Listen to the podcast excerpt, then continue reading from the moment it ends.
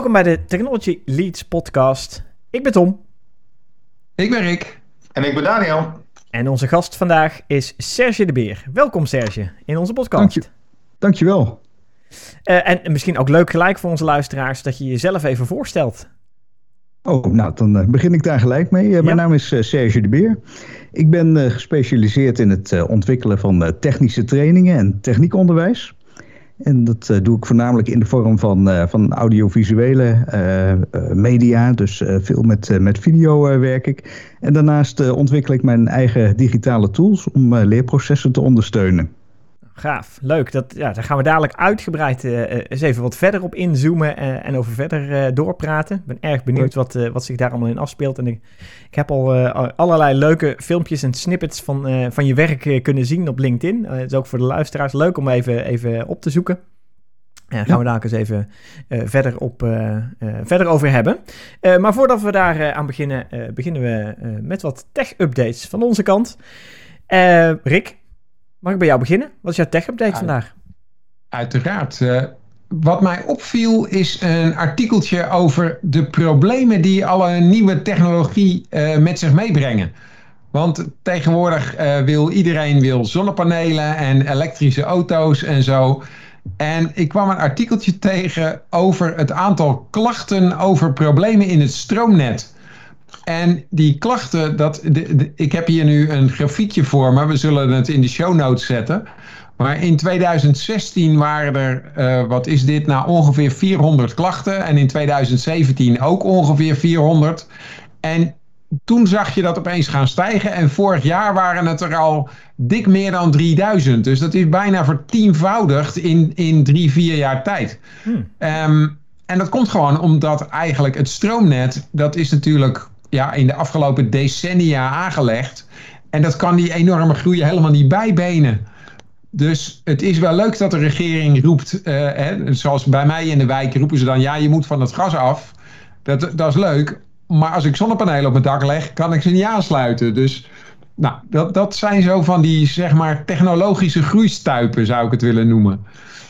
Um, en dan wordt er ook gelijk een oplossing bij geroepen en dat is dan thuisbatterijen. Ja. Het was een woord dat ik nog niet kende, maar ik snap hem wel gelijk. Hè? Dus dan moet ik uh, op zolder allemaal zonnepanelen en dan in de kelder moet ik allemaal batterijen gaan neerzetten. Dan, uh... mm -hmm, mm -hmm. Het is wel leuk wat, dat je over thuisbatterijen begint. Ik heb toevallig van de week een podcast zitten luisteren over of wij genoeg batterijen kunnen neerleggen, uh, überhaupt om de uh, overcapaciteit of de overproductie van stroom kunnen opvangen. Uh, voor tijden dat we het niet kunnen opwekken. Nee, denk aan s'nachts in de winter, windstille dagen, et cetera. En dan hebben we het dus niet over wat jij in je huis kan doen, maar wij als mensheid bijna op ja, deze ja. planeet aarde, hè, deel van de aarde dat in de schaduw ligt, et cetera.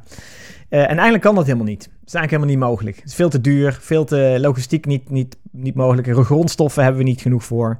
Dus dat is bijna geen optie om uh, batterijen neer te leggen. En uh, het enige waar je dan naartoe moet gaan is kijken wat voor andere, en dan is de term batterij een veel breder begrip, oplossingen heb je om je energie in op te slaan. Want dat is eigenlijk de vraag. Hè? Hoe kun je zo energiezuinig mogelijk in, energie opslaan met zo min mogelijk verlies?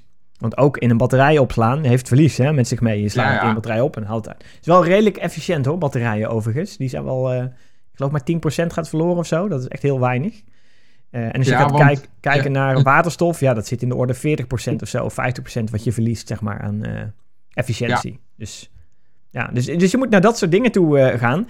Um, maar uh, uh, ook een warm waterreservoir bijvoorbeeld. Dat is een hele mooie manier om energie in op te slaan. En als je dat heel goed isoleert... Hè, dat, dat, die enorme bak met warm water die je ergens neer zou kunnen zetten in een woonwijk bijvoorbeeld... dan is dat een hele efficiënte manier van energie in op te slaan. En daar kun je ook heel veel in, in, in kwijt. Dus dus dat zijn wellicht interessantere manieren dan ja, batterijen zie, in huis Ik zie al een uh, mogelijkheid. Ik moet gewoon even mijn kruipruimte uitgraven en daar dan een zwembad van maken. dat is een goed idee. Ja, ik zou het doen. Ik, zou het doen. ik, ik, zag laatst een, een, een andere methode, dat vond ik ook wel uh, innovatief. Daar mm -hmm. hadden ze uh, hijskranen met hele zware betonblokken eraan. Mm -hmm. En als er dan energie over was, dan gebruikten ze dat om die betonblokken op te hijsen. En op het moment dat de energie nodig was, dan werd met dezelfde motor, die dan als dynamo gaat werken, werd het weer, werden die blokken weer naar beneden gelaten en werd de energie opgewekt. Oké. Oh, wat leuk. Nou, Oh, ja, dat is ook een interessante in. Dan ben ik ook benieuwd gelijk naar wat daar de, de los is, zeg maar, de, de, eh, qua ja, energie. dat, eh, Hoe dat efficiënt is dat? ook af. Toen jij Ja? dat zei, dacht Ja. ik ja. Dat, dat- maar ik denk dat het wel meevalt. Ik kan me, ja, Ja, dat denk ik eigenlijk en ook wel, ja. Want dynamo's zijn doorgaans wel vrij efficiënt. Zeker omdat je het direct omzet in, in, in energie die gebruikt wordt, in plaats van dat je het... Precies, je hoeft het niet naar een andere vorm om te zetten. Nee, Ja. nee, nee, inderdaad. Dus ik goed. zie dan ook gelijk een hele mooie mogelijkheid voor landen met veel bergen en zo. Want eh, zo'n hijskraan, dan moet je een hele hoge hijskraan bouwen. Maar bij een berg laat je gewoon die kabel van die berg afzeilen. zo, eh, je Maar daar doen ze het vaak met water. Ja, water, hè? Ja. Met water doen ze dat. Dan Ja. pompen ze op als er Oh, over is. ja. En ze laten het weer naar beneden eh, vallen Oh ja. op het moment dat, het, eh, dat het weer nodig is. Precies dat. Ja, ja. ja dat is een hele mooie me- methode inderdaad, met eh, waterreservoirs heen en weer pompen. Ja. Ja. Maar die van Rick is ook wel mooi. Met een zwaar blok eh, schuin de helling op, eh, inderdaad. Ja, gelijk patent aanvragen vanmiddag. Ja, ja. Ja. Hoewel je dan wel weer, dan moet je wel iets doen aan de wrijving die dat blok heeft natuurlijk, als je hem omhoog sleept. Dus Ja, maar je kan toch, als je gewoon zo'n rechte klif hebt, dan doe je net als met een hijskraan. Je hebt gewoon Ja, ja. een heel klein hijskraantje nodig en dan gewoon dat blok recht naar beneden. ja.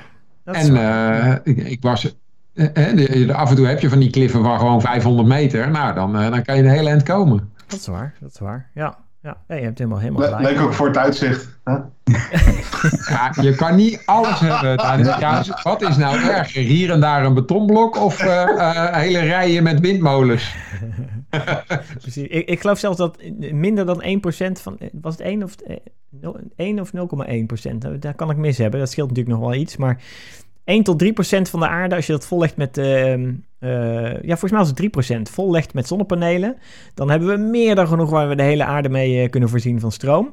En laat nou de hoeveelheid dak, de bedekking op aarde is, dus de daken van huizen over de hele aardbol heen, iets van 5% zijn geloof ik. Ja. Dus Oh. als we alleen al daken gewoon vol eh, leggen met zonnepanelen, dan zijn we er eigenlijk al. Opgelost. Opgelost, ja. Ja, je Ja, moet alleen ja, nog iets Voor doen dat, dan, hè? dat al die grids een beetje aan elkaar ge- ge- gelinkt zijn. Hè? Dus dat de, de zonnige kant van de aardbol de schaduwkant ook nog voorziet van stroom. Maar als we dat oplossen, dan, dan zijn we er wel.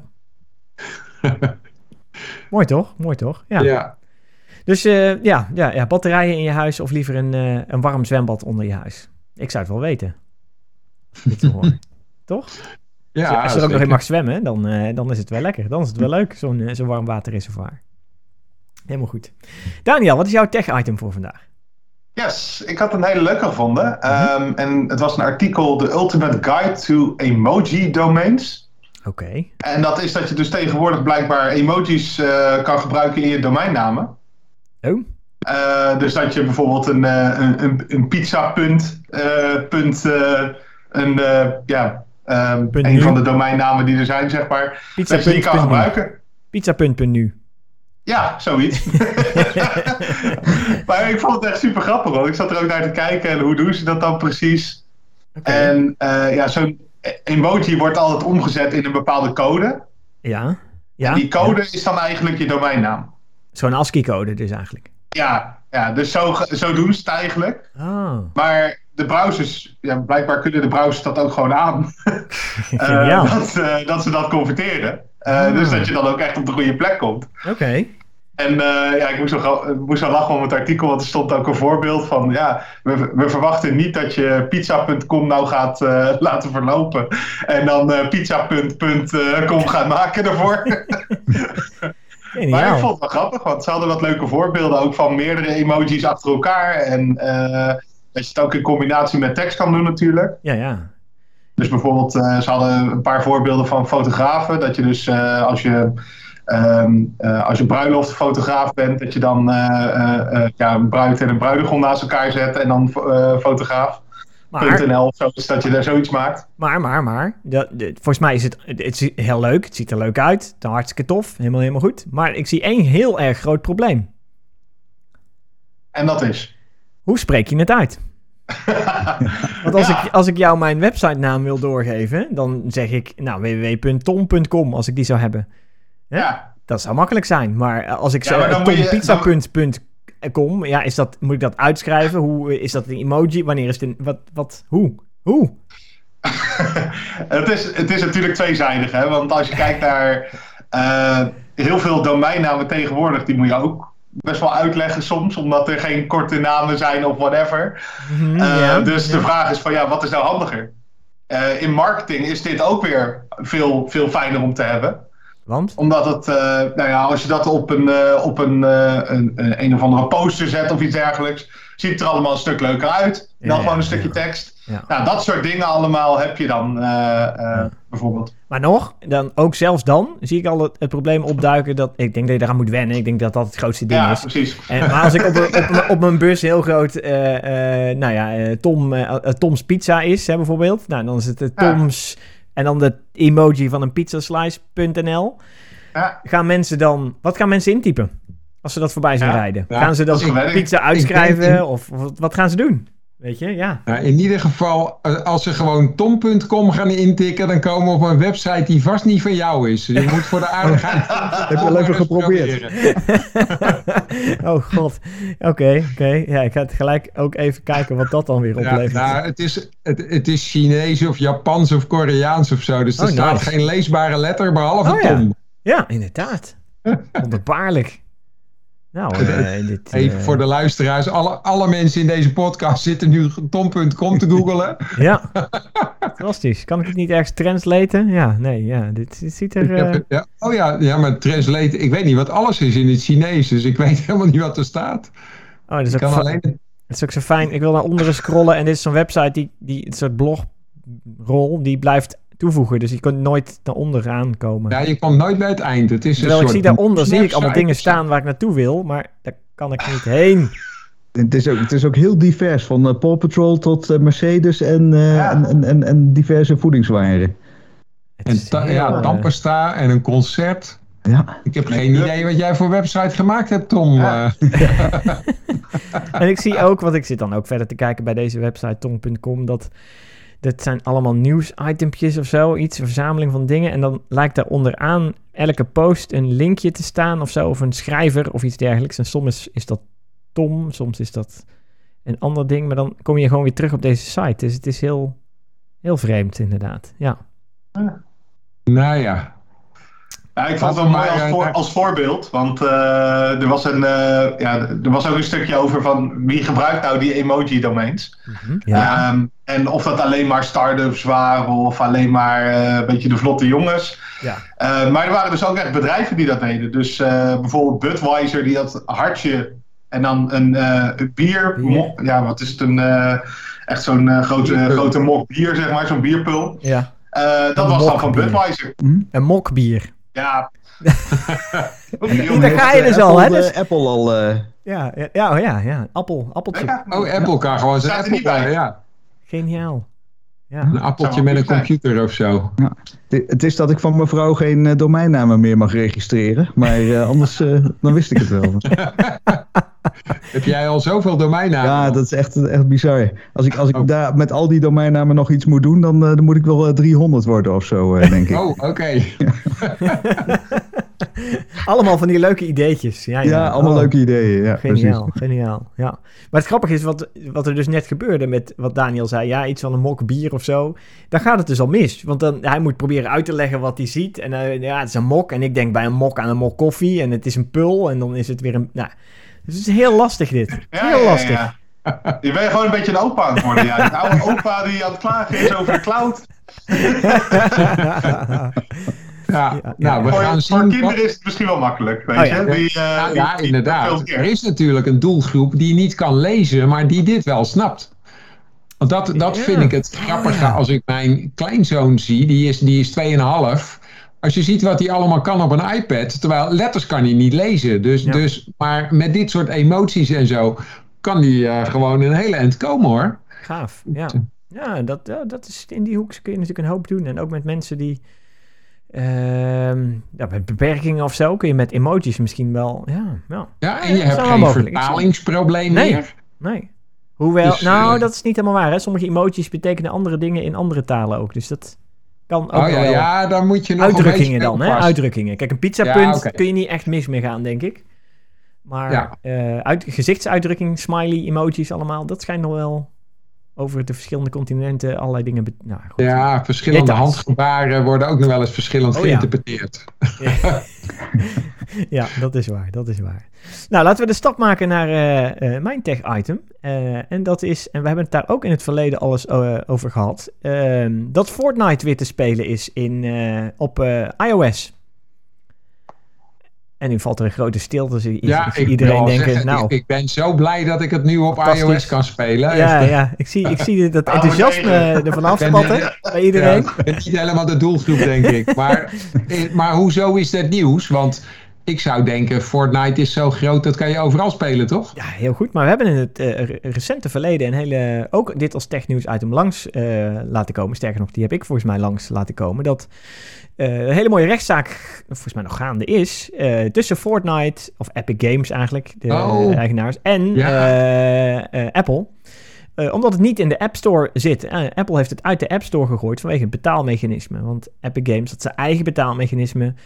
En dat Ja. in zijn app, in de App Store, zodat ze eigenlijk Apple omzeilden. En daarmee zei Apple, ja, maar wacht eens even, dat zijn niet, eh, je voldoet niet aan onze gebruikersvoorwaarden, dus we knikkeren je eruit. En eh, ja, ja, daarmee knikkerden ze gelijk miljoenen spelers en betalende spelers uit hun, ja, hun universum. En, maar ze deden het wel, dus ja, om een soort statement te maken. Dat is natuurlijk een rechtszaak gaande en ik weet even niet of die nog echt gaande is. Ik weet dat er wel wat tussentijdse uitspraken zijn geweest, volgens mij, dat ze... ehm, en ik weet, Ja, nee, ik Apple weet heeft de voorwaarden ook wel wat aangepast, ja, geloof dat was ik inmiddels. het. Hè? Ja, ja. Ja, ze komen ook wel een beetje weer terug op hun harde standpunt, geloof ik. Ze Ja. zien ook wel in dat ze een beetje mee moeten bewegen. En ik denk ook dat ze het gedaan hebben om echt een statement, hè, een soort punt te maken. Dat dat de reden er is achter. Ja, dus ze komen erop het zou me terug. niet verbazen als er inmiddels wat leuke financiële afspraakjes Ja. zijn tussen Fortnite en Apple. Tuurlijk. En dat het eh, allemaal, weer, eh, allemaal weer kan. eens, eens, eens. Ja, ja. Eh, maar ja, de grap is dus, dit nieuwsitem eh eh laat zien dat het nu alweer mogelijk is om Fortnite op iOS te spelen. Maar dan niet via de App Store. Dus niet de, de game downloaden in de App Store en... eh, eh, en aan de gang. Eh, het is mogelijk om dat te doen via Nvidia's GeForce Now service. Die heeft een eh, geslo- weliswaar gesloten beta gereleased vandaag. En ja, gesloten beta is Oh. nog steeds heel groot hoor, overigens. Dus dus zo, zo, zo klein, zo gesloten is dat niet. Maar die hebben een, eigenlijk een soort streaming gaming dienst gelanceerd. Net als Google Stadia en Apple Arcade en, en nou, alle andere streaming gaming diensten die er zijn.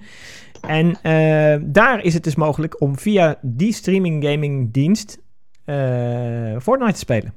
En, Mag dat nu wel dan, die, eh, die streamingdiensten? Want ik weet dat Microsoft ermee gestopt was. ja, maar je kan het via de webbrowser doen. mochten. Je kunt het via de webbrowser doen. Gewoon via Ja, Safari. dat hebben ze met Microsoft ook. Ja, dat Ja. was een alternatief. Maar Ja. ze konden het niet via native app doen, zeg maar. Nee, nee, nee, precies, precies, inderdaad, inderdaad, ja. Dus nee, ja, je kan het dus nu, als je GeForce Now in je Safari webbrowser op iOS, kun je, eh, kun je, het, eh, eh, kun je de streaming gaming service draaien. Ook Stadia kan via die manier gedraaid worden, xCloud, Luna, werkt allemaal. En ehm, ja, dus via GeForce Now kun je dus nu weer Fortnite spelen op iOS, als je Ah. in de closed beta zit van, van GeForce Now. Dus, Dus jij gaat Jits, eh, Jits eh, even bedanken. ja, Jits. Langerijk. Die hebben we toch ook gehad hier? Ja. Ja, zeker. ja, Ja, zeker. dat is ook een gast. Ja, klopt. Ja, een van onze andere gasten inderdaad in deze podcastserie... waar we het eh, uitgebreid over de NVIDIA-diensten hebben eh, gehad. En ehm, ja, Ja, dus ik, nou, ik vond het fascinerend dat er dus eigenlijk weer een loophole... Ja, een soort loophole hè, is het eigenlijk wel eh, gevonden is om... Ja, die, eh, die game te kunnen spelen. En ik ja, ik ben benieuwd, want het is natuurlijk nu een closed beta... wat er dan nu gaat gebeuren. Ik bedoel, ja, ik denk dat je in het kader van closed beta dat nog wel een tijdje vol kunt houden. Eh, maar als het echt publiekelijk ne- neer gaan zetten, zal Apple hier iets van gaan vinden natuurlijk. Dat, ja, dat is een kwestie van wachten wat... Nee, gaat er gebeuren? eh, dit, dit is een website, dus dat mag gewoon. Jawel, maar daar, daar gaan zij ongetwijfeld... Komt er een update straks in je Safari-browser... waardoor er een of andere Nee, plugin of zo niet meer werkt? Zou dat niet kunnen? nee, dat heeft de xCloud heeft dat ook eh, hetzelfde. Die eh, doen het ook via die manier. En dat is geen, geen, geen beta of whatever. is dat is gewoon gewoon een... eh, ja, dat is al live, zeg maar. Ja. Dus je kan gewoon via, dat, via de browser kan je dat allemaal doen. Oké, oké. Maar dan zouden ze niet in de browser weer iets kunnen updaten... waardoor, je, waardoor dat niet meer werkt? Dat een soort support... Is het gewoon native, Nee. native browser support? Ja, het is gewoon HTML5, CSS, JavaScript, Ja, dat ja. soort dingen. Oh, Oké, het gaat niet over een En, bepaalde eh, poort. Oh, eh. ja, dat, nee. ja, dat zou ik ook verwachten inderdaad. Dat je iets met poorten en... Hm. Ja, maar als ze dat gaan blokken, dan is het natuurlijk ook weer aantasting van de vrijheid van het internet en dat soort gedoe. Eh, en dat, eh, dat is natuurlijk wel een beetje een lastig iets waar, eh, waar Apple zich zeker niet aan gaat wagen. Dat is wel waar. Ja, het enige wat ik me kan voorstellen is waar ze gevoelig voor zijn, is als ze, weet het, ehm, eh, en dat, dat was nu pas ook nog aan de hand met iets anders, maar dat ze de bescherming van kinderen, eh gebruik door kinderen, zeg maar, daar iets mee gaan doen. Dat je restricted use van bepaalde content of zo Ja. gaat, gaat inzetten. Want Ja. dat kunnen ze natuurlijk wel, hè. Ze kunnen ook content blokken van websites en zo. Mhm. Dus ik zou me kunnen voorstellen dat ze zelfs de hele, nou, dat, dan gaan ze wel ver, hè. Als je een hele website, Nou, van ik de denk hele- niet dat ze dat gaan doen. hele IP gaat blokken, zeg maar. En dan komen ze natuurlijk met... Dan, kom, dan is de workaround smileys in je, in je, in je URL eh, gaan stoppen, hè? Toch? Goed bruggetje was dat. Ja, een mooie brug. Ja, toch? Ja, toch? Mooi. Ehm, ja, Serge, je hebt ook een eh, tech-item eh, meegenomen eh, Ja, naar deze ja. podcast. Dus we zijn ook wel benieuwd naar jouw tech-item. Ja, wat ik eh, zag is dat eh, SpaceX eh, gisteren een satelliet heeft gelanceerd. Dat, dat doen ze wel vaker en, en met, met heel veel tegelijk. Maar deze is van onze eigen TU Delft. Dus dat Oh. is ook qua Nederlandse trots ook nog iets, iets moois. Mhm. En ehm, eh, het bijzondere van deze satelliet is dat het de kleinste satelliet ooit is. Oh, En hij is slechts eh, 5 bij 5 bij 18 centimeter groot. En eh, in dit geval was dat ook een eh, doel op zich. Want eh, het ging erom om te kijken hoe klein kan je nou die satelliettechnologie maken. Mhm. En ja, ze zijn daar heel enthousiast over om dat te gaan gebruiken. Want het is natuurlijk heel duur om een satelliet de lucht in te sturen. Want je betaalt echt op het volume. En nou, mocht dit werken, dan, ja, dan gaat er een hele nieuwe wereld open. Het is natuurlijk wel zo dat zo'n kleine satelliet wat minder krachtig is, maar hij moet eh, in een eh, swarm moet hij, eh, gaan opereren. Dus als je een heleboel van die kleine satellietjes aan elkaar koppelt, dan eh, kan je hem eigenlijk net zo krachtig maken als één hele grote. Wauw. En, en wat Wat kan gaaf. deze satelliet? Eh, deze eh, kan volgens mij eh, eh, ehm, eh, met sensoren kan die eh, dingen meten op, op aarde. Oh, Dus en, en ehm, ja, dit was dus eigenlijk vooral een test. Maar je zou dus kunnen zeggen, ik ga één eh, eh, satelliet met een eh, spectrometer bijvoorbeeld uitvoeren en de andere met een camera. En als je Ah, die ja. twee dan samenvoegt, de data daarvan, dan, eh, ja, dan heb je toch weer eh, een, een, heleboel informatie. Wat Ja. gaaf, wat gaaf. Ja, Wat echt. leuk. Ja, de miniaturisatie van, eh, van de ruimtevaart is gewoon gaande Ja, hier ja, in, ja. En het eh, deed mij ook gelijk denken aan een eh, project wat ik eh, wel eens heb mogen doen met een groep scholen. Waarbij leerlingen op aarde zelf een satelliet gingen nabouwen. Helemaal op basis van Arduino. Ik weet niet of jullie dat, dat kennen. Ja, ja. sy- Systeem. En ehm, daar mochten ze dus met alle sensoren en, en alle onderdelen van de satelliet... mochten ze zelf hun eigen satelliet bouwen. En een kopie daarvan is ook echt uit het International Space Station gezet.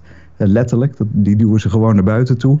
en eh, die heeft ook een, eh, een aantal rondjes om de aarde heen gemaakt en data verzameld. Geweldig. geweldig. Ja, ik zat ook net gelijk te denken aan deze satelliet. Dat is gewoon de Raspberry Pi onder de, de satellieten zo'n beetje. Ja. Ja, dat klopt inderdaad. Ja, ja. Geniaal zeg. En, en, ja, en ik kan me ook voorstellen, het is natuurlijk heel interessant, want zulke kleine satellieten met een paar zonnepaneeltjes erop, die, die kunnen eindeloos doorgaan waarschijnlijk. Als je dat een beetje efficiënt inricht.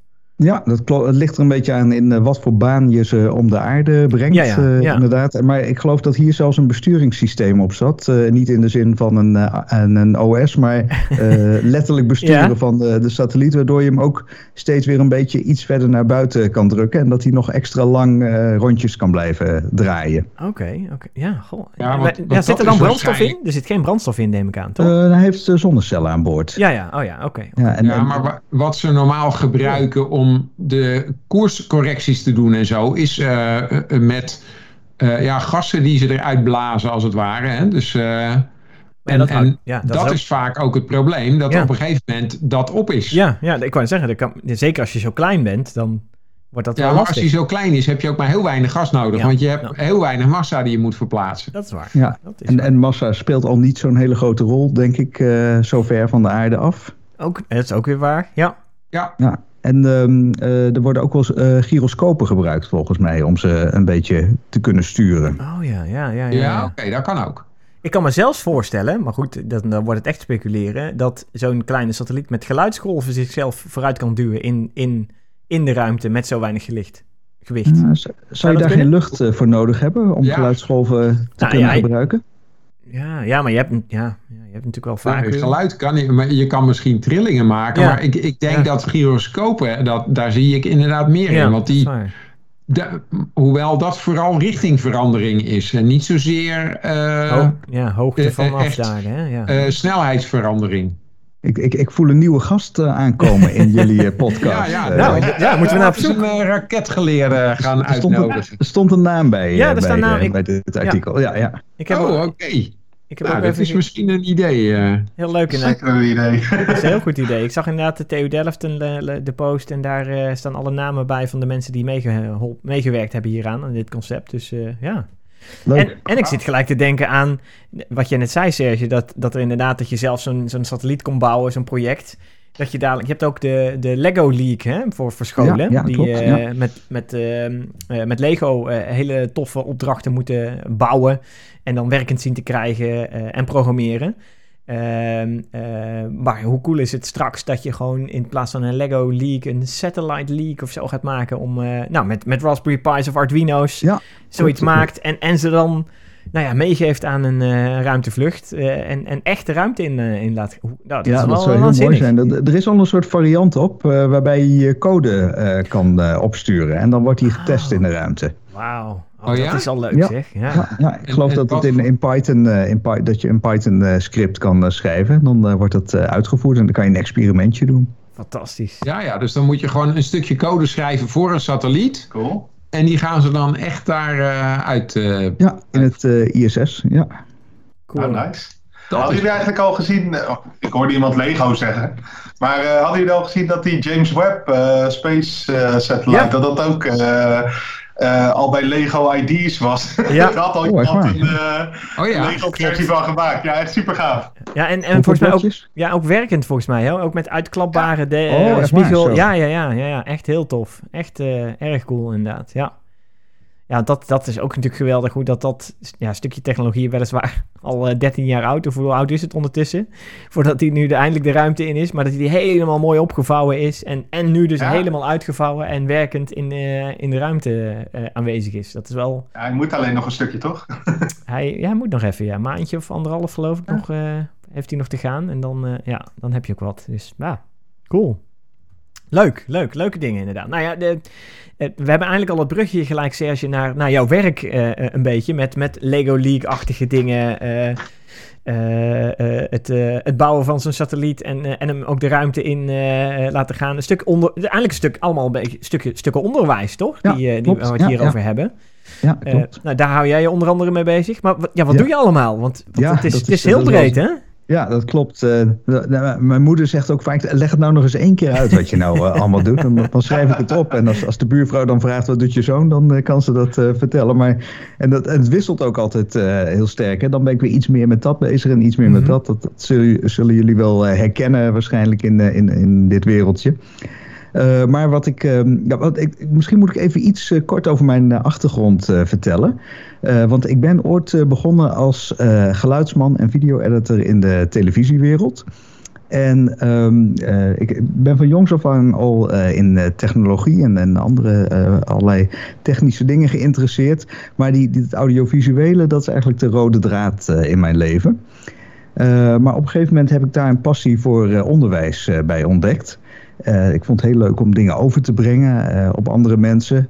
En ehm, ja, eigenlijk ben ik die dingen gaan combineren met elkaar. Ik, ik ben ook opgeleid als docent techniek aan de Hogeschool Utrecht.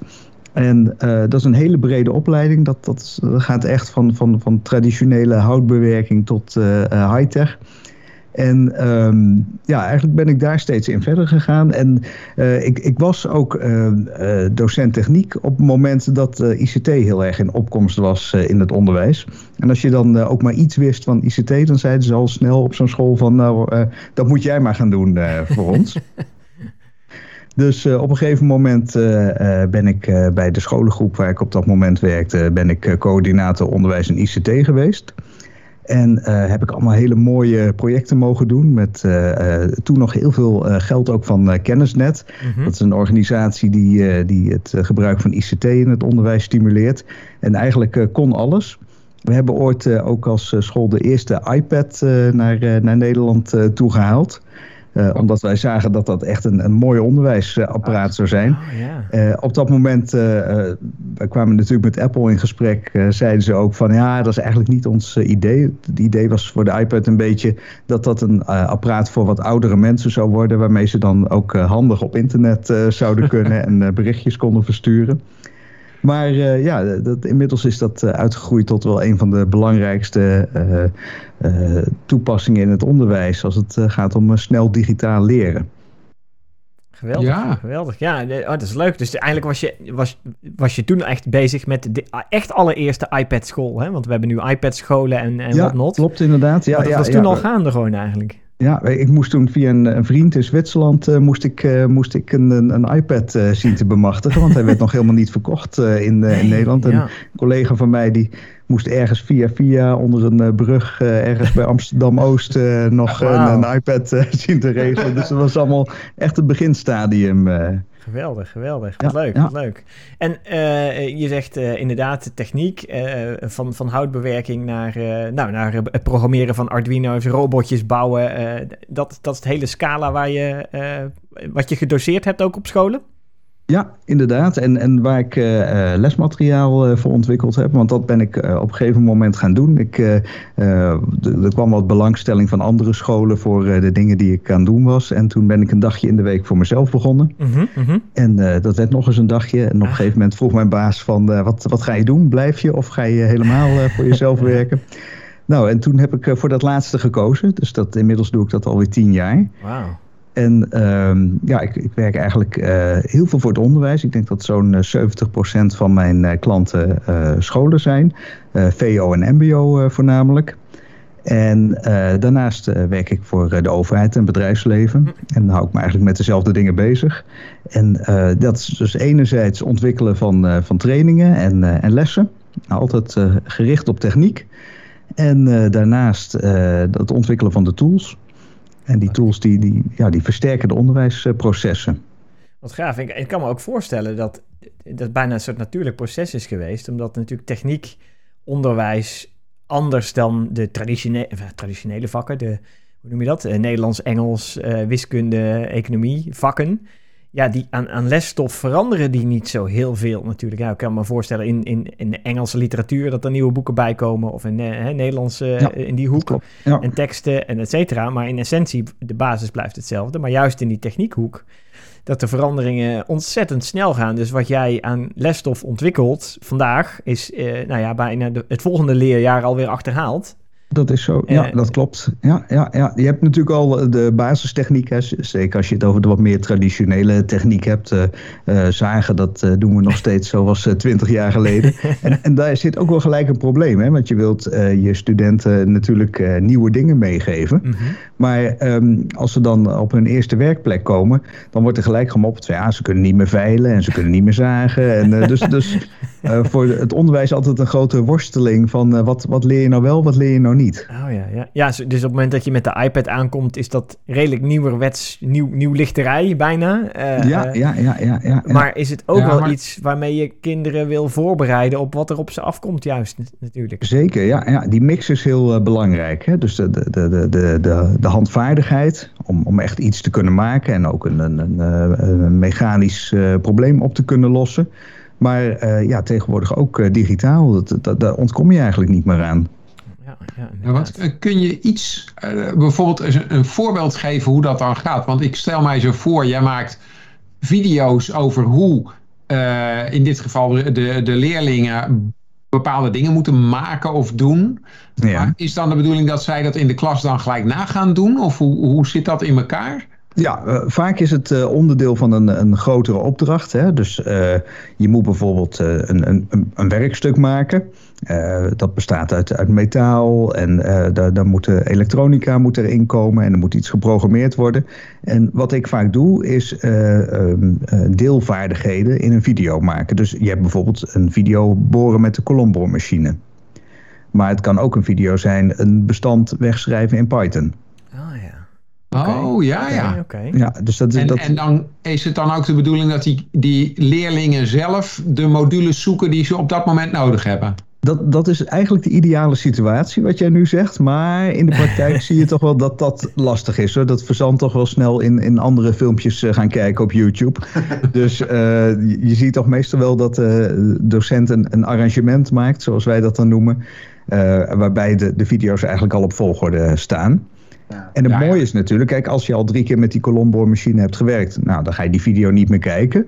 Maar als je zegt van ja, dat is nieuw voor mij, ja, dan, dan kijk je hem wel. Ja, Ja. Dat en is het kan het natuurlijk- modulaire. Het kan natuurlijk ook zijn dat je bepaalde werkstukken hebt, dat je meerdere hebt in een jaar die je Ja. moet doen. En dat er dan sommige dingen ook terugkomen eh, op meerdere plekken. Of meerdere Klopt, type inderdaad, werkstukken natuurlijk. Dus dan is dat modulaire ideaal. Ja, ik probeer altijd zo, een zo klein mogelijke handeling tot een Ja. video te maken. Ja, Leuk. en dat zijn dan ook vrij korte video's, neem ik aan. ja zeker. Er zijn video's die, die duren maar een minuut. En eh, er zijn wat langere video's, maar het is wel zo dat in de, eh, de, de, de, de wetenschap is eh, ontdekt dat video's van zes minuten wel eh, max is. Dus eigenlijk als je zegt het het duurt langer dan zes minuten, dan wil je hem eigenlijk opdelen. Ja, ja, ja. ja. Oh, Oké. Nou, dat is wel goed om te weten inderdaad. Hoe, hoe zou dat bij podcasts zijn? Is dat, ik ben benieuwd. Ja, wij zijn acht ook minuten en zes dan klaar. acht minuten. Acht minuten. Oh, oh, oh. We hadden hem al, al drie keer op moeten delen, deze. Ja. Ja, het, het scheelt ook je doelgroep. Hè? De, Ja. de, de- kijk, eh, n- naar jullie podcast luisteren mensen die echt super geïnteresseerd zijn in wat jullie eh, te vertellen hebben. Want anders luister je hem niet. Eens. Eh, en dan, dan kan je ook weer wat, wat langer, eh, wat, wat, langer medium gebruiken. Maar eh, ja, voor leerlingen is eh, de spanningsboog eh, van zes minuten is al heel bijzonder. eh, dus eh, daar, daar moet je wel goed op letten. Ja. Oké, ja, dat is natuurlijk wel zo. En is dan alles ook publiekelijk... Is alle, ja, we hadden het net over YouTube. Dat betekent dat ik het nu ook op kan zoeken, al je filmpjes? Of, eh, nee, zeker niet. Nee, ik wil zeggen, ik neem dat niet is, aan dat alles openbaar is en eh, dat je een omgeving Nee, hebt waarbinnen je dat doet. Ja, dat, ik, ik heb wel filmpjes die, eh, die gewoon openbaar zijn. Er zijn ook wel scholen die, die eh, krijgen bijvoorbeeld een subsidie om iets te ontwikkelen. Ah, ja. En vaak is de voorwaarde van zo'n subsidie dan dat het eh, openbaar is. Mhm. Maar dat is, dat is lang niet altijd zo hoor. Dat, en je ziet ook wel, dat, ja, dat is ook wel een, een punt van discussie in het onderwijs. Dat eh, drie scholen alle drie hetzelfde filmpje Ja. Colombo-machine ontwikkelen. Dat- dat- ja, dat zat ik net aan te denken inderdaad. Ja, Dat- ja, ik bedoel, waar bent- wij dan wel van zeggen, kijk, ik bedoel, ik vind het hartstikke leuk dat ik die opdrachten krijg. Maar ja, het is, het is ook mooi natuurlijk als je dat gewoon kan delen met elkaar. Ja. En daar beginnen nu wel initiatieven voor te komen. Oké, ja, want ik kan me voorstellen dat als, je, als jij drie keer de opdracht krijgt om het filmpje over de kolomboor te maken, dat je hem niet drie keer gaat maken voor die drie verschillende scholen. Ja, maar toch, toch is dat wel vaak zo. Ja. Omdat ehm, eh, voor leerlingen, en zeker eh, eh, eh, leerlingen in, in bepaalde niveaus, dat die het prettig vinden om de machine te zien die zij in het lokaal zien. Ah, ja, ja. En, en dat kan, het kan zelfs zo zijn als ik een filmpje maak van een groene kolomboormachine en er staat in het lokaal een blauwe, dat ze eigenlijk niet echt de transfer kunnen maken naar, naar hun eigen machine toe. Oh, echt? Oké. Oh ja, Ja. Oh, dat, zo, oh, daar had ik nog, zo had ik er nog niet naar gekeken inderdaad. Ja, maar dan, is, eh, dan zijn fabrikanten van, nou laten we even bij dit voorbeeld blijven, kolomboormachines. Eh, die zijn dan misschien nog bijna ook nog wel geïnteresseerd in wat jij doet. Want ik kan me voorstellen, als zij dat Dat, eh, meeleveren met, met hun kolomboormachine, dat, dat is natuurlijk heel interessant. Ja, klopt. Ja, ja. En wa- wat je wel ziet is fabrikanten maken dan vaak een wat meer eh, marketingachtig Ja. filmpje met eh, muziek eronder. Nou, muziek is überhaupt al uit de boze bij Ja. instructievideo's, dus dat, ja, dat kan al helemaal niet. En dan, ja, ze komen ook vaak nog uit, uit, uit een, een, een Engels sprekend Oh ja. gebied of, of uit China. En ja, dan, dan moet het toch weer in het Nederlands. Dus ja, het is. Ja, ik weet niet of een fabrikant snel eh, wereldwijd in alle talen onderwijsfilmpjes zal gaan maken. voor, alle, voor alle onderwijsniveaus ook nog dan. Ook nog eens een keer, ja, ja, ja. Zo, ja, Ja, dat- maar ja. dan ben ik benieuwd, want we, eh, eh, we spraken pas iemand en die had het over het gebruik van AI om eh, eh, eh, simultaan vertalingen te Ja. doen. Dan Ja. zou je dat weer wel kunnen doen. Je zegt Ja, gewoon zo'n zeker. AI en die praat gewoon in het Chinees Zeker. of in het Russisch, het maakt niet uit. Klopt, ja, ja, ja. Maar de, de- de- toevallig ook weer een van die wetenschappelijke bevindingen is dat eh, er wordt aangeraden om een echte menselijke stem te gebruiken bij het eh, inspreken van een video. En eh, geen computerstem. Oké. Daar, dat, dat schijnt ook weer minder leerresultaat op te leveren. Ja, dat klopt. Ja, dat is, dat is wel waar. Want maar, het, uh, ja, oké, maar dat hangt dan af van hoe goed die stem is. Klopt, dat wordt wel steeds beter. Hoor. ik ben met je eens. Op dit moment zijn die stemmen eigenlijk nog niet goed genoeg. Want wij, te monotoon. We hebben, laatst was er een keer een, een een of ander artikel over AI. En dat hadden ze dan laten voorlezen door een AI. En ik ben na drie minuten afgehaakt. want dat was inderdaad niet te doen. Nee, het is monotoon, uh, het, saai. Ja, het is, het is vooral monotoon. En, want voor de rest was het prima verstaanbaar. Maar om daar nou een hele tijd naar te gaan luisteren, dat is weer wat anders. Dus ja, daar is nog wel wat uh, in ontwikkeling uh, te doen. Maar ook, ook dat groeit. Het, het, is niet meer allemaal die, die robot van Bassie en Adriaan stem die, die, je nu hoort. Het, het, het, wordt al wel steeds menselijker. Dat, dat klopt, ja. Ja, dus als we, als we die kant uit zouden kunnen gaan, ja, oké, ja, dan komen we daar iets bij voor. Maar dan kun je het bijna gaan genereren bijna, al, al dat soort activiteiten, met, zeg met maar. deepfake, hè? Deepfakes. Kan je ook nog... Uh, ja, klopt, inderdaad. Ja, ja. ja, ja, en je zegt... Dan, wordt de vraag, wat is het moment waarop Serge zijn video's gewoon kan deepfaken. Ja, precies. Ja, ja zeker. zichzelf neer kan zetten elke keer. oh, dan, ja, dat is nu al mogelijk, toch? Als jij inderdaad een blauwe kolom boren en ook gelijk een filmpje voor een rode, een groene en een paarse uh, moet maken. Dat is met één filmpje dan gedaan in principe. ja, dat, ja, precies. Ja? eigenlijk zou ik, zou ik al klaar kunnen zijn. Ja, ja, ja. ja, ja. En, en, en Tom, ik hoorde jou ook zeggen net uh, genereren, maar dat, dat doe ik wel. Uh, want oh. zeker dingen die je, die je heel makkelijk kunt, random kunt genereren Zoals sommen bijvoorbeeld. Uh, ja, dat, dat werkt wel. Daar heb ik gewoon allemaal losse uh, audiofragmentjes uh, ingesproken. En ik kan tot in het oneindige kan ik, kan ik oefenvideo's genereren voor, voor berekeningen. Oh, wat leuk. Oh, wat leuk. Ja. Oh, dat, is wel tof, ja. ja. En dan, maar, en, en in wat voor kader, wat voor soort lessen zijn dat dan? Is dat dan gewoon een les van wiskunde? Of? Uh, dat is rekenen. Ik, ik heb een uh, eigen methode, die heet uh, rekenen met techniek. Mhm. En die is heel erg gericht op, op leerlingen die wel een passie voor techniek hebben, maar wat meer moeite hebben met rekenen. Of juist wat extra uitdaging kunnen gebruiken met rekenen. En daar maak ik dat soort video's voor. Oh, wat leuk, wat leuk. Oh, dat, is, dat is wel een hele mooie manier om, uh, om dingen te leren. En, ja? en is wat random element erin te hebben zitten, wat goed. Ja, ja, ja zeker. En dat, uh, ja, en, en, en, dat geeft ook wat variatie aan het leren. Als je altijd maar dezelfde video hebt, dat uh, wordt snel saai natuurlijk. En dat, ja, dat gaan leerlingen niet, niet steeds weer opnieuw oefenen. Dus als je ja, 100 video's hebt die allemaal verschillend zijn, dat, dat werkt heel goed. En uh, ik zit ook gelijk verder te denken. Je maakt uh, video's, uh, je spreekt ze in, de instructies worden daarmee ondersteund. dus allerlei, allerhande lesmateriaal wat je daarmee maakt en, en genereert zelfs nu. Hoe zit het met nieuwe technologieën als VR, AR, dat soort zaken? toevallig heb ik, hadden we het net over de Oculus 2 van, van Meta en de mogelijkheden van, van dat soort devices. Eh, is dat iets waar je al mee experimenteert of naar aan het kijken bent? Ja, daar kijk ik zeker naar. Ja, ik ben ook betrokken bij een aantal projecten waar dat in toegepast wordt. Um, wat ik zelf nog vind is dat zeker voor VR dat de drempel voor scholen nog wat hoog is. De, de, de brillen zijn relatief duur. Mm -hmm. En ja, als je een klas hebt met 25 leerlingen of studenten, dan um, ja, is het lastig om ze allemaal zo'n bril op te zetten. Ja. Dus het, het werkt wel in hele specifieke situaties. Je hebt bijvoorbeeld een uh, VR-module waarmee je kan leren lassen. Um, mm. dat, dat is heel mooi. Ja. En daar kan je ook heel veel mee voorbereiden. En uh, ik ben nu ook bij een project uh, betrokken uh, dat dingen met veiligheid doet in de procesindustrie. En daar zit ook bijvoorbeeld een VR-module in om te kijken van welke beschermingsmiddelen moet je allemaal meenemen als je de plant opgaat. Ja, ja. ja, precies. Dus in training, eigenlijk meer in de traininghoek is dit heel goed toepasbaar. Maar als je nou zegt klassikaal leren of, of meer in groepsleren, dan is het nog net iets te grote drempel om.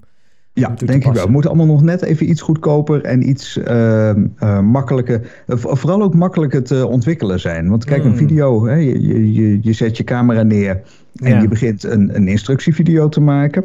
Ja. Uh, een beetje gechargeerd, want uh, er komt veel meer bij kijken. dat is, eigenlijk is dat maar een heel klein element ervan. Maar uh, virtual reality ontwikkelen, dat is gewoon echt hartstikke duur. En dan, dan kan je dat doen voor één situatie, voor lassen of voor veiligheid. Maar om het um, ja, meer algemeen toepasbaar te maken, is het eigenlijk nog net iets te complex. Oké, oké. Ja, Ah, kan ja, ja, voorstellen. ja, dat kan me ook eens... Ja, want je hebt natuurlijk een hele andere soort beelden nodig en ja... ja Klopt, ja. en je hebt altijd experts nodig en programmeurs nodig. Dus Ja. ja. ja, het wachten is eigenlijk op een, een hele makkelijke ontwikkelomgeving... waarbij docenten ook zelf dat soort dingen kunnen gaan doen. Nou, Ja. Dan- Daniel, ga je hem inkoppen nu? nee, nee, nee. nee. Een low-code oplossing Ja, voor VR. ja, Ja, ja. Ik, kan, ik, kan me, ik kan me wel heel erg voorstellen dat het misschien niet voor klassikaal leren goed is, maar wel om bepaalde mensen naar de klas te krijgen die je normaal niet hebt. Dus dat die toch nog iets kunnen ervaren van de klas bijvoorbeeld. Dus Ja, dat je dat mensen bijvoorbeeld op afstand zitten of Ja, ja. dat die vanwege ziekte thuis zitten of dat soort dingen. Dat je daar dan mensen een, een betere ervaring kan geven. En dat, dan, dan kan het echt heel simpel zijn met een 360 graden camera. Dat je alleen maar meekijkt of zo. Maar dat je toch nog het gevoel hebt dat je in de klas zit bijvoorbeeld. Ja, dat, Dat, eh, soort dingen kan best wel leuk zijn ook. Nou ja, want da- daar. Ik denk dat dat een oplossing voor het thuisonderwijs is. Ja. Dat je, de, de- als iedereen thuis met zo'n VR-bril op zit, dan kun je gewoon weer het klas, eh, ja, het klasbelevenis kun je dan eh, eh, gaan geven. Ja, maar dan zit je weer aan dat iedereen die bril moet hebben. Dat is een beetje het probleem. Nou, dat, dat is op dit moment nog niet. Maar dat gaat natuurlijk niet heel lang duren als, Nee. als die brillen goedkoper worden. Want nu heeft ook elk kind heeft een laptop. Terwijl, Ja. zeg 20, 25 jaar terug, toen had gewoon, dan was je al blij als elk gezin één computer had. Ja. En nu heeft gewoon elk kind zijn eigen laptop. Dus met die VR-brillen, dat gaat vanzelf komen. Bovendien willen ze hem toch allemaal hebben om te gamen. Ja. Dus eh, Het is- is hetzelfde als dat inderdaad een, hele- een hele tijd terug eh, de- eh, niet, niet eens schriften in de klas waren, maar dat je van die wastabletjes had waarin opgeschreven werd. Eh, ja, en, eh, een griffel en een lei. Een griffel en een lei. Eh, Ja. en, en nu inderdaad laptops. Nou, we hadden het net over de iPads. eh hè? Sergio gaf het al klopt. aan. Ja, ja, De ja. iPad-scholen zijn er. Eh, ja, dan is het kwestie van tijd voordat de VR-brilscholen er, eh, er komen, lijkt me. Klopt inderdaad. En het is eigenlijk, eh, al, alles zeg ik altijd, wat, wat op browserniveau eh, toepasbaar is, dat, eh, dat kan een eh, succes worden. Dus dat, dat heb je met, met YouTube en Vimeo gezien eh, voor, voor de instructievideo's. Eh, wat ik bijvoorbeeld ook doe, is 2D-simulaties maken. Ook in een eh, low-code omgeving. Oh. Eh, en ehm, dat werkt al heel goed. Want daar kun, kun je gewoon ook eh, vanuit huis kan je gewoon naartoe. En daar kan je bijvoorbeeld een, een, een stukje van een proces eh, van een chemische plant eh, zelf uitvoeren en simuleren. Oké, oh, dat is wel cool. Ja, ik, want ik Ja. zit ook gelijk aan digital twin-achtige oplossingen te bedenken. Zeker Ja, voor zo'n plant, ja. hè, wat je virtueel, of nou, soort virtuele representatie van het product Ja. wat je, eh, waar je instructie over wil geven, dan wel iets over wil leren neerzet. En dan een, een stuk echt een persoon daar weer inzet om eh, een handeling uit te voeren. Ja, klopt. En dat, dat, dat doen we ook zeker hoor. Hm. Dus dan, dan heb je inderdaad eh, zo'n zo'n virtuele omgeving. En dan kan je bijvoorbeeld ook weer doorklikken naar een filmpje. En dan, daar kan Oh, je ook mooi. dingen bij elkaar brengen. En dat is het mooie natuurlijk als het in de browser gaat. Dan kan je ook de hele wereld aan elkaar koppelen. Ja, ja dan, maak je, dan maak je het echt heel makkelijk toegankelijk voor iedereen natuurlijk. Dan is Ja, het niet meer absoluut. afhankelijk van specifieke hardware die, en onderhoud op devices, hè, op laptops. Want dat is natuurlijk ook voor scholen natuurlijk een groot ding. Het is wel leuk Ja. dat al die kinderen Chromebooks hebben. Eh, maar je moet wel onder een, een soort van ja, IT-beheer. een beetje waar jij begon, eh Sergio, eh, inderdaad. Eh, je moet je daarop toepassen om al de boel in de lucht te houden natuurlijk. Ja, zeker. Ja, absoluut. Ah, dat is wel eh, vast. Ja, en ik kan me nu ook voorstellen, we hadden het over Nvidia en eh, met GeForce Now en alle, allerlei, an- allerhande streaming gaming services in de browser. eh, dat dat mogelijk is. Doe jij dan ook dingen met gamification van leerstof? Ja, dus die, die 2D-simulatie zou je wel eh, ergens onder gamification eh, kunnen scharen. Want Oh ja, het idee ja. is ook dat alleen als je het proces goed hebt gedaan, gaat uiteindelijk het vrachtwagentje met het eindproduct rijden.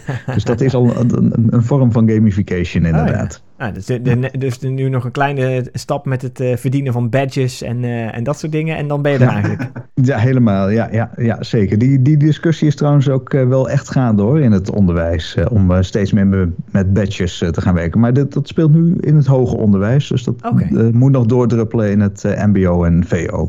Oh, ja, dat is wel interessant. Waarom, waarom zou dat alleen in het hoger onderwijs spelen en niet, juist niet... Ja, ja, ik zou niet weten waarom het een, in de ene eh, energie, of, eh, eh, onderwijsvorm meer competitief ingesteld zou zijn als de ander. Nee, dat, dat, op zich is, dat, is, dat, uh, is dat zo wat je zegt. Uh, ja. Maar het heeft misschien meer te maken met uh, traditionele van het onderwijs. Hè. Het onderwijs ah. is enerzijds heel innovatief. En er zijn zeker mensen die heel veel technologie toepassen. Maar uh, er zijn ook nog heel veel mensen die het liefst gewoon met uh, de grapjes van, uh, van ieder jaar in de kantlijn van het boek hun lessen willen draaien. En dat, dat, ja, daar heb je ook mee te maken. En dat zijn ook vaak hele kwalitatief goede lessen. Dus dat vervang je ook niet zomaar. Dat is waar, dat is waar. Ja, ja want is dat ook niet een van de, zeg maar, Achilleshiel van, de, van het onderwijs? Dat die, die leraren en docenten, die moeten maar mee in al die nieuwe ontwikkelingen. Ja, klopt. Eh, eh, eh, want ik kan me herinneren dat vroeger had je een leermethode en die werd dan gewoon tien jaar lang gebruikt, of misschien nog wel langer. En dat kan tegenwoordig al haast niet meer. Dat wordt nog wel gedaan hoor, zeker wel. En uh, ja, ik denk dat er ook bij een groep mensen ook wel wat teleurstelling is. Hè. Dan wordt er een, een mooi digitaal platform de school binnengehaald. En uh, iedereen op training gestuurd. En, en drie maanden later hoor je er niks meer over. Mm uh, dus uh, ja, ik denk dat er ook wel mensen zijn die zeggen... nou, ik, ik eerst even kijken of het echt werkt voordat ik aanhaak. Ja. En daar geef ik ze ook wel gelijk in. Mhm. Ja. Geweldig, geweldig. Ja, mooi, mooi. Leuk, leuk. En, ja, ik vind het een heel mooi inkijkje in, in hoe dat de wereld van leren en technologie... en niet specifiek zelfs de technologische leerwereld uh, met, met deze technologieën allemaal uh, aan de gang is. Maar dat ook gewoon het traditionele leren in, uh, ja, in, in filmpjes en instructies en in, ja. in, in deze methodes zeg maar gevat kan worden. Gaaf. Ja, zeker. Ik, ik, ik, zat, ja, ik zou bijna nog bedenken dat het, het leren werken met zo'n platform dat je daar dan weer instructiefilmpjes over zou maken. Zeg maar. Oh, maar daar heb ik een zat van metaniveau. Ja, ja, ja. Oh, ja? ja, zeker. Ook daar maak je de filmpjes Dus eigenlijk bij elk product zit ook wel weer instructie voor de docent van hoe ga je er nou mee om. Oh, geweldig, geweldig. Ja, ja, wat leuk. Ja, oh, dat, dat, is helemaal goed. Dus ook dat is er al gewoon. Geweldig. Ja, ja. dat is er zeker, ja. Fantastisch. Um, ja, ik, ik ben een beetje naar de tijd aan het uh, kijken. Uh, we zijn eigenlijk uh, ja, door onze, nou niet acht minuten, of wat was het, zes minuten zes heen. Minuten, ja. Zes minuten ja, videotijd. gegaan, ja, ja, ja, ja, heen. Ja, volgens mij zitten we op 50 minuten, of niet? Ja, ja, ja. Nou, voor, voor podcast standaarden is dit volgens mij een prima tijdspanne om een onderwerp beter te pakken en eens wat meer te leren over, in dit geval, het leren leren. Dus uh, dank Serge voor jouw uh, inkijkje daarin. Dankjewel. Jullie bedankt ja, voor de uitnodiging. Erg leuk om uh, er iets over te vertellen aan jullie. Graag, ja, gedaan, graag, graag gedaan. Nou, ik ben benieuwd wat onze luisteraars ervan van vinden en of er nog eventuele reacties komen. Dat kan. Ehm, rest mij nog te zeggen dank luisteraars voor, de, voor het luisteren naar deze podcast. En ik zou zeggen tot de volgende podcast. Tot de volgende. Hoi hoi. Dag.